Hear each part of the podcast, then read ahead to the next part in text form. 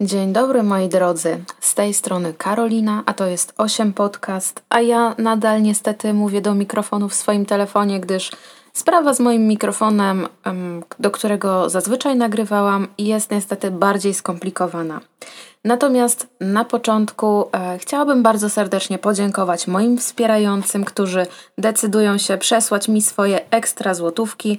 Znaczy to dla mnie bardzo dużo, że wspieracie moją twórczość. Dziękuję Wam bardzo serdecznie.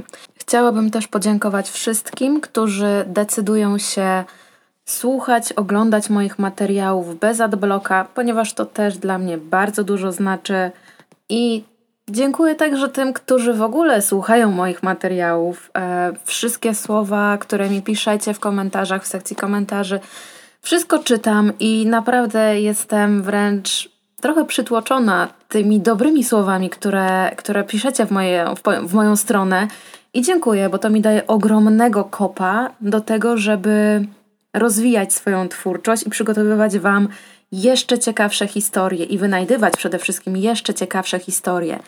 Natomiast mm, z racji takiej, że prosi rączka biednego zajączka ostatnio zrobiła furorę, mam dla Was dzisiaj limeryk, który przygotowałam sama, ułożyłam sama. Którejś nocy po prostu przyszło mi to do głowy. Zatem uwaga. W zmarzniętej ziemi grzebie perliczka. Zachodzi ją cicho i chytrze lisiczka. Wyciąga się rączka biednego zajączka w stronę subskrybuj, nie w stronę pączka oraz raciczka małego dziczka. Jeśli jeszcze nie wywaliło Wam skali żenady i cringe'u w Waszych wszelkich urządzeniach do pomiaru, no to teraz zapraszam do wysłuchania dzisiejszego podcastu. No i tak jak zauważycie, dzisiaj na chwilę dosłownie na jeden podcast albo na dwa przełamujemy nasz cykl z Alaski, bo Muszę Wam powiedzieć, że chyba te historie bardzo mocno pojechały mi po głowie i potrzebuję takiego małego oddechu i historii z innej części kraju, ale spokojnie, mam kilka następnych podcastu, podcastów alaskańskich, także na pewno jeszcze wrócimy do tematu. Hazel Stewart jest mieszkanką małego miasteczka o nazwie Coleraine. Jej ojciec był farmerem, a kobieta w wieku 18 lat, jeszcze jako Hazel Elkin, wyszła za 22-letniego funkcjonariusza policji Trevora Buchanana. Krótko po ślubie, bo w 1986 roku osiedlają się w domu przy Charnwood Park w Coleraine. Kobieta pracuje w szkółce niedzielnej jako nauczycielka i wraz z mężem są praktykującymi baptystami i mają z tego małżeństwa dwójkę dzieci. Póki co są bardzo szczęśliwi.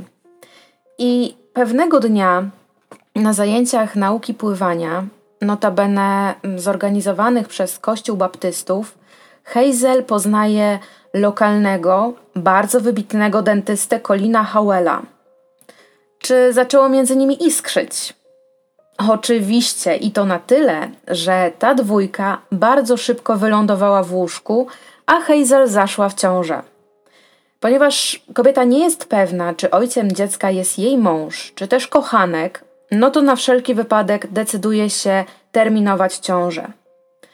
Para ta spotyka się potajemnie w lesie Castle Row, ale tak szybko jak się tam zaczynają spotykać, tak szybko są zauważani przez członków ich kościelnej wspólnoty.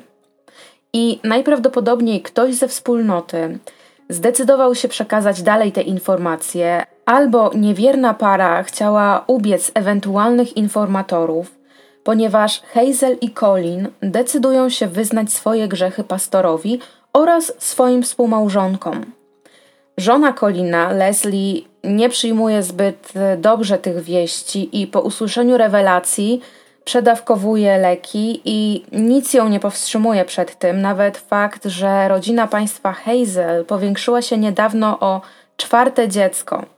Jednak na szczęście Leslie udaje się odratować. Trevor z kolei jest psychicznie zdewastowany, kiedy słyszy te rewelacje, ale razem z Hazel podejmują wspólnie decyzję o tym, że pójdą na terapię małżeńską i skorzystają z pomocy psychologa. Dodatkowo też trzymają się bardzo określonych wytycznych, jakie udziela im przedstawiciel kościoła, i przez cztery miesiące wygląda na to, że wszystko między nimi jest w porządku. dopóki Hazel i Colin nie odnawiają swojego romansu. I nagle przychodzi dzień 19 maja 1991 roku. Wtedy to rano ciało Trevora Buchanana i Leslie Howell zostają odnalezione w samochodzie, a ten samochód stoi za ostatnim rzędem domków przy Castle Rock, niedaleko domu ojca Hazel. Wygląda na to, że para zmarła z powodu zatrucia spalinami samochodowymi i tutaj giętka część rury od odkurzacza została przymocowana do rury wydechowej samochodu i poprowadzona przez otwarte okno do wnętrza tegoż samochodu. Ciała w samochodzie odkrywa dwóch członków wspólnoty kościoła. Trevor jest w przedniej części samochodu, na fotelu kierowcy. W dłoniach trzyma zdjęcia swoich dzieci, natomiast ciało Leslie spoczywa w bagażniku, a na niej rozrzucone są jej rodzinne zdjęcia. Na jej ciele roz, rozrzucone są jej rodzinne zdjęcia. I ma ona założone na głowę słuchawki, które podpięte są do Walkmana, a w środku tego Walkmana znajduje się jej ulubiona kaseta z muzyką gospel. Para wygląda tak, jakby przed śmiercią mm, chcieli jeszcze popatrzeć na fotki swoich najbliższych, zanim wykonają ten ostateczny krok. I tutaj w dniu śmierci Colin miał lat 32, a Leslie 31. Początkowo śledczy domniemują, że Leslie i Colin razem odebrali sobie życie, jednak są osoby, które nie wierzą w to, że tych dwoje ludzi w taki sposób to mogło zrobić i że w ogóle nie byli oni ludźmi, którzy mogliby pomyśleć o czymś takim. Y, no i oczywiście są to małżonkowie ludzi, którzy ze sobą mieli romans, więc teoretycznie, no może te informacje ich tak przyłamały, że postanowili razem odebrać sobie życie. I jakkolwiek, jak pamiętacie, Leslie nie przyjęła tej wiadomości najlepiej o zdradzie swojego małżonka, no to jednak Trevor chciał z Hazel pracować nad tym swoim małżeństwem. I jedną z takich sceptycznych osób jest na przykład David Green. Jest to członek kościoła baptystów, jest to policjant oraz przede wszystkim jeden z mężczyzn, którzy odnaleźli samochód z ciałami. Przez ponad 20 lat ta zbrodnia była owiana tajemnicą. Śledczy nie posunęli się ani o krok, żeby rozwiązać zagadkę, kto i co było przyczyną śmierci tej dwójki. Natomiast w roku 2009 na światło dzienne wychodzą informacje o tym, jak skrupulatnie i jak w najdrobniejszych szczegółach para młodych ludzi została pozbawiona życia. Do przyznania się do zbrodni zmusza Colina właśnie w tym 2009 roku jego druga żona Kyle. Kobieta zresztą później wyzna podczas rozmowy z przedstawicielem prasy, że jej mąż początkowo szantażował ją i wywierał na niej presję, żeby pod żadnym najmniejszym pozorem nie wyjawiała jego tajemnicy. To, że Colin w ogóle przyznał się do winy, rzekomo miało być efektem, po pierwsze, niespodziewanej śmierci jego syna Matthew, do której doszło, kiedy mm, syn odbywał staż na uniwersytecie w Sankt Petersburgu. Po drugie, przyznanie było efektem ogromnego długu, w, w jaki wpadł mężczyzna z powodu tego, że mm, przez lata nie płacił podatków, by w końcu spłacić swoje zaległości. Mm, Colin sprzedał swoje dwa gabinety dentystyczne, a pieniądze, które zyskał z tego tytułu, zainwestował w misję odnalezienia złota, które miało być rzekomo ukryte w jaskiniach na Filipinach. To złoto miało być tam ukryte przez wojsko japońskie w latach 40. ubiegłego wieku. Natomiast jak możecie się domyśleć, to nie było żadnego złota, a Colin został po prostu oskamowany. Rzekomo także dwie inne śmierci miały być związane ze zbrodnią z 91 roku. Pierwsza to śmierć 27-letniej Aleksandry Hickman Smith. Z Colinem kobietę łączył plac kempingowy, na którym ona postawiła swój pojazd któregoś dnia podczas wyjazdu weekendowego za miasto w listopadzie 2008 Natomiast dentysta mieszkał na owym placu w swojej przyczepie właśnie w 2008 roku. Natomiast y, śmierć Aleksandry miała być rzekomo skutkiem cukrzycy, tak więc początkowo zupełnie nie była brana pod uwagę.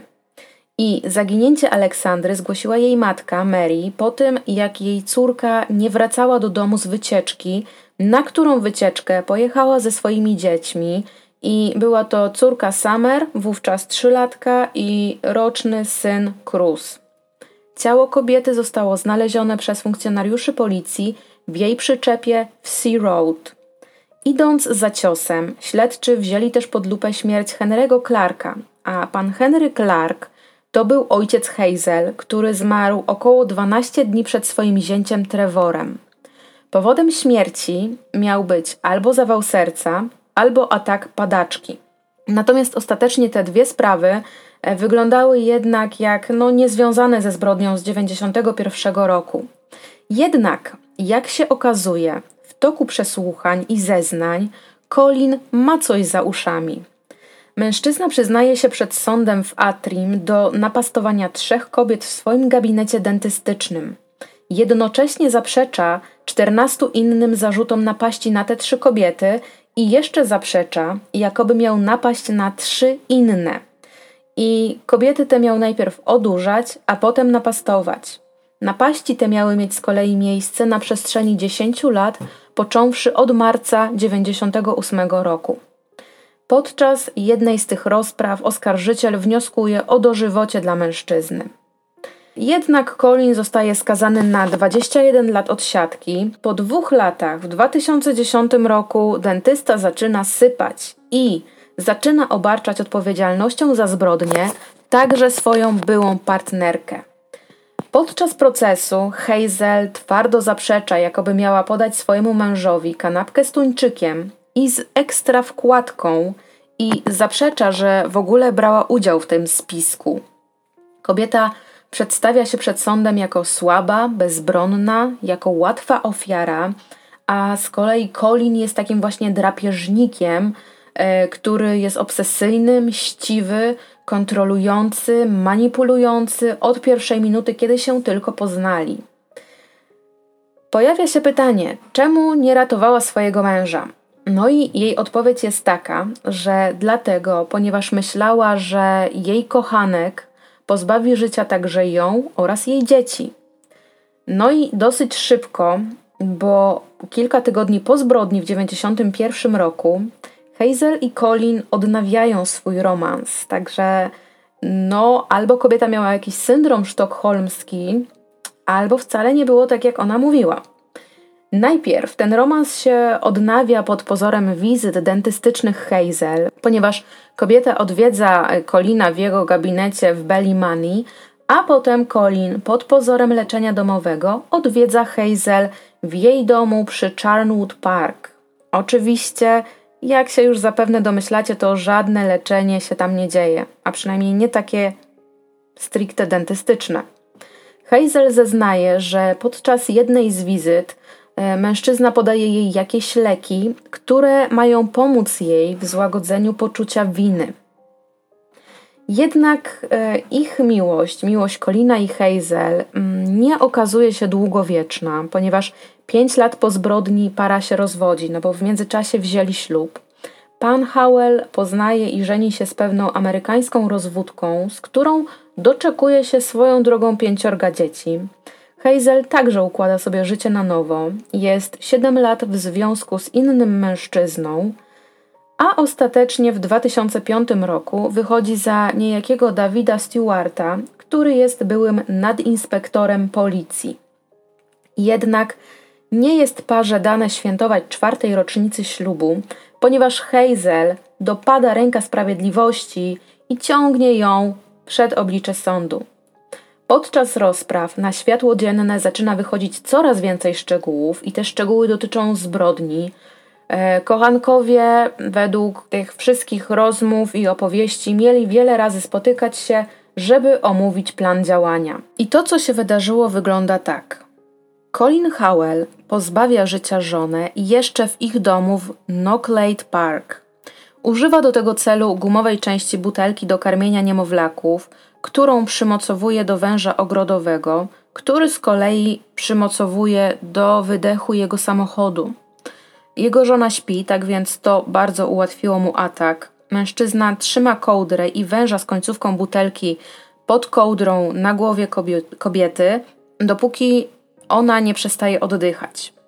Potem e, Colin wkłada ciało żony do samochodu, a na jej ciele kładzie rower i jedzie do domu Leslie. Kobieta otwiera mu drzwi od garażu, upewniając się wcześniej, że jej mąż twardo śpi w małżeńskiej sypialni. Jednak kiedy Colin chce powtórzyć ten sam sposób odebrania życia, jak to zrobił w przypadku Leslie, Trevor się budzi i między mężczyznami wywiązuje się walka. Jednak jakimś cudem ostatecznie Colin zyskuje przewagę i pozbawia życia Trevora. Kobieta wcześniej przygotowała ubranie, w które ciało męża ma potem zostać odziane, i kiedy już to następuje, to Colin bierze ciało swojego przeciwnika i niesie go do samochodu. Podczas nieobecności Colina, Hazel pali węża i gumową część butelki, przy pomocy której zostali pozbawieni życia Leslie oraz Trevor, no i sprząta sypialnię i wietrzy dom.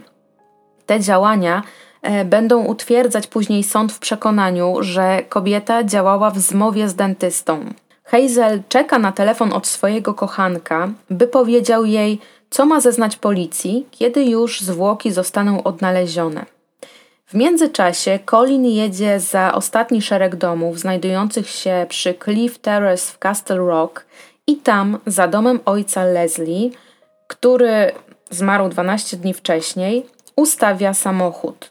Przed włożeniem rury odkurzacza do samochodu i upozorowania tej całej sceny, mężczyzna zakłada rękawiczki, żeby nie zostawić odciski palców. No i dopóki Colin się nie przyznał, to zbrodnia ta nazywana była zbrodnią doskonałą. I nikt, zupełnie nikt, ani jedna dusza na tym świecie czy w całym kosmosie nie kwestionowała, dlaczego akurat y, drugie połówki niewiernych ludzi postanowiły odebrać sobie życie. Hazel warunkowo zostaje wypuszczona za kaucję, a kaucja ta wynosi 15 tysięcy funtów. Sędzia wyraża obawę, że jeśli kobieta będzie przebywać w więzieniu dla kobiet w Hyde Bank e, do dnia ogłoszenia werdyktu, no to może targnąć się na własne życie. Ostatecznie ławnicy uznają, że Hazel wiedziała o planie zbrodni i wiedziała o nim wcześniej, nie udaremniła go, a wręcz aktywnie ułatwiła zrealizowanie i uczestniczyła w zbrodni, odurzając swojego męża i później wpuszczając Kolina do swojego domu. W 2011 roku kobieta zostaje skazana na 18 lat pozbawienia wolności, a odwołanie, apelacja, którą napisała w 2013 roku, zostaje odrzucona. W 2018 roku Colin zostaje przesłuchany przez śledczych pod zarzutem napastowania Hazel. Artykuł z sierpnia 2020 roku e, mówi, że jeśli dentysta zostanie oskarżony o napaść na swoją byłą partnerkę, jest szansa, że pozytywny wyrok w tej sprawie pozwoli Hazel tak samo na pozytywny wyrok e, w jej kolejnej złożonej apelacji. Nie wyrok, tylko wynik. Tak podsumowując tę historię dzisiejszą, czy tylko mnie się wydaje, że to byłaby dobra historia dla hulaj duszy i jej cyklu Niewłaściwa Miłość? Od jakiegoś czasu mam tak, że kiedy podsumowuję tę historię, totalnie nie wiem, co mam powiedzieć, ale też spotkałam się z takimi zarzutami, że lepiej coś powiedzieć niż urywać tak po prostu. Tak więc po prostu coś mówię. Wybaczcie, że nagrywam jeszcze nie do mikrofonu, nie tak profesjonalnie, jak chciałabym to zrobić, ale mam nadzieję, że niebawem się to zmieni. Natomiast cóż, ja Was dzisiaj żegnam i do usłyszenia jutro, ponieważ dzisiaj mamy sobotę i jest godzina 17, teraz to już właściwie trochę po 17, a ja podcasty dodaję zarówno w sobotę, jak i w niedzielę o godzinie 17. Pomyślałam, że to będzie całkiem fajna namiastka takiego daily grudniowego. Chociaż nie, to bardziej chyba takie weekly. Dziękuję za wysłuchanie, jakby nie było. Pozdrawia Was Karolina z 8 Podcast. Trzymajcie się.